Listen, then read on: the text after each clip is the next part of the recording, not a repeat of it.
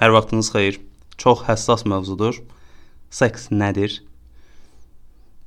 Üzücü tərəfi, bu məsələnin üzücü tərəfi odur ki, cəmiyyətdə insanların əksəriyyəti seks anlayışı haqqında akademik araşdırma etmirlər. Bax bu çox üzücüdür. Yəni seks anlayışı məhəllə səviyyəsində olan bir şeydir də. Yəni tində bucaqda dayanan o adamlardan soruşsan ki, filan şey necədir, filan şey necədir? Onlar da sənə bunu izah eləyir.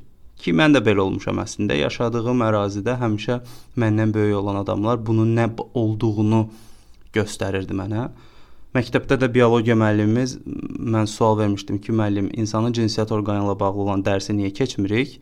Buna görə mənə 2 yazıb o bütün kitablarımızda həmin səhifəni yapışqanla yapışdırmışdı ki, oxumayın oranı, tərbiyəsiz olarsınız və s. və mən həqiqətən də bunun əxlaqsızlıq olduğunu düşünürdüm. Bu da bir kənara mən əvvəllər düşünürdüm ki, biz evlənirik, sonra bizə uşaq avtomatik olaraq özü gəlir. Yəni bu düşüncədə olurdum. Məsələ budur. Seksin bioloji tərəfinə baxanda əslində bu canlıların çoxalmasını təmin edən əsas fizioloji bir fəaliyyətdir ki, bu mütləq şəkildə olmalıdır, çoxalmanı təmin eləyir. Amma seksin bir psixoloji və sosioloji tərəfini olduğunu qəbul edən yeganə canlı insandır. Çünki biz bir həm də psixoloji və sosioloji varlıq olaraq bu məsələni ortaya çıxarırıq. Əslində burada seks əxlaqsızlıqdırmı sualı da bax bu sosial psixoloji məsələdən yaranır. Yəni ya, hamının istifadə etdiyi şey və hamının normal olaraq istifadə etməli olduğu şey əxlaqsızlıq sayıla bilməz. Amma yaşadığın cəmiyyətdə olan sosial psixoloji strukturlar, yəni ideologiyalar, mental baxışlar, daha sonra həyata dair inanclar və s. o standartlara uyğun şəkildə sən münasibət qurmursansa, sən əxlaqsız hesab edilə bilərsən. Məsələn, deyək ki, evlənmədən öncə hər hansı bir şəxslə cinsi münasibətdə olmaq Azərbaycan cəmiyyəti üçün qızlarda ə, küçə qızı, əxlaqsız ə, və s. və s. Bəylərdə isə kişilik bir rəmzi kimi ola bilər, sayıla bilər.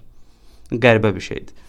Yəni bunu eləyirsənsə ikisi üçün də eləmə, eləmirsənsə ikisi üçün də eləmə də. Yəni bu limitləməni niyə qoyursan? Yəni kişiyə olar, qadına olmaz məsələsi bax bu məsələdir. Məsəl üçün belə bir şey var. Məsəl üçün sevişmək üçün nəzərdə tutulan qadınlar var, evlənmək üçün olan qadınlar var. Bax belə dəyişir.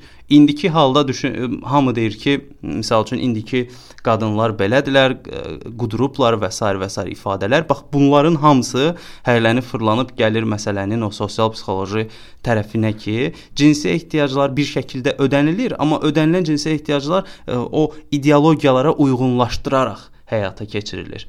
Məsələ budur. Tutaq ki, boşanmış qadın sindromu var da, boşanan qadın əxlaqsızdır kimi bir yanaşma var yəni boşanıbsa görəsən niyə boşanıb? Kişiyə demirlər, qadına deyirlər və yaxud kişi ə, kişi bir neçə qadınla evlənə bilər, amma qadın bunu eləyə bilməz və s. və s. bax belə yanaşmalar var. Yəni burada əsas məsələ cinsiyyət məsələsi deyil, əsas məsələ psixoloji və mental məsələdir ki, yaşadığımız cəmiyyət bunu necə eləyir?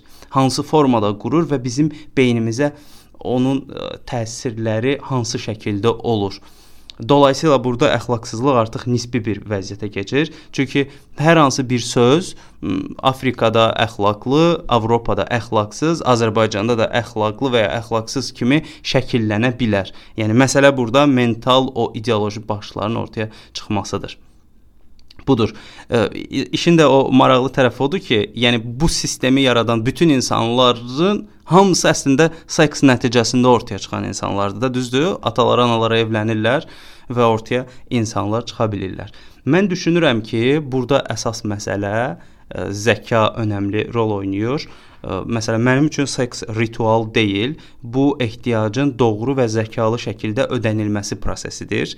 Mən bunu belə qəbul edirəm və misal üçün belə bir ifadə səsləndirmişdim. Həz, seks həz üçündür də. Zaten beynimiz hedonistik fəaliyyət göstərir. Yəni bir fəaliyyət göstərirsə bunun sonunda həzzi düşünərək eləyir və bu prosesi ə, sevir. Hətta belə olur. Biz həzz almaq istədiyimiz anda prosesin özü daha çox həzz verir, nəinki prosesin həyata keçməsi. Belə bir cümlə işlətmişdim ki, ə, deməli sevişməklə boşalmağın arasında fərq zəkadır sevişməklə boşalmağın arasında yalnız fərq zəkadır. Çünki boşalmaq hər yerə, hər zaman istədiyin formada ola bilər, amma sevişmək seçdiyin biri ilə, zəkalı biri ilə və zəkalarının çarpışması nəticəsində ortaya çıxan biri ilə baş verir. Bu da doğru seçim bunda ola bilər. Məsələ budur. Uzun sözün qısası, seks təbiət tərəfindən ümumiyyətlə bu yaradıcı tərəfindən yaradılan əsas fizioloji fəaliyyətdir və əxlaqsızlıq sayılmır. Dediyim kimi əxlaqsızlıq yaşadığımız cəmiyyətin sosial-psixoloji normalarına uyğun gəlməyəndə hesab olunur. Bax belə. Düşünürəm ki, fikirlərimi bölüşə bildim. Fikirləriniz olsa sosial mediadan mənə yazmağı unutmayın. Növbəti podkastlarda görüşərik. Hələlik.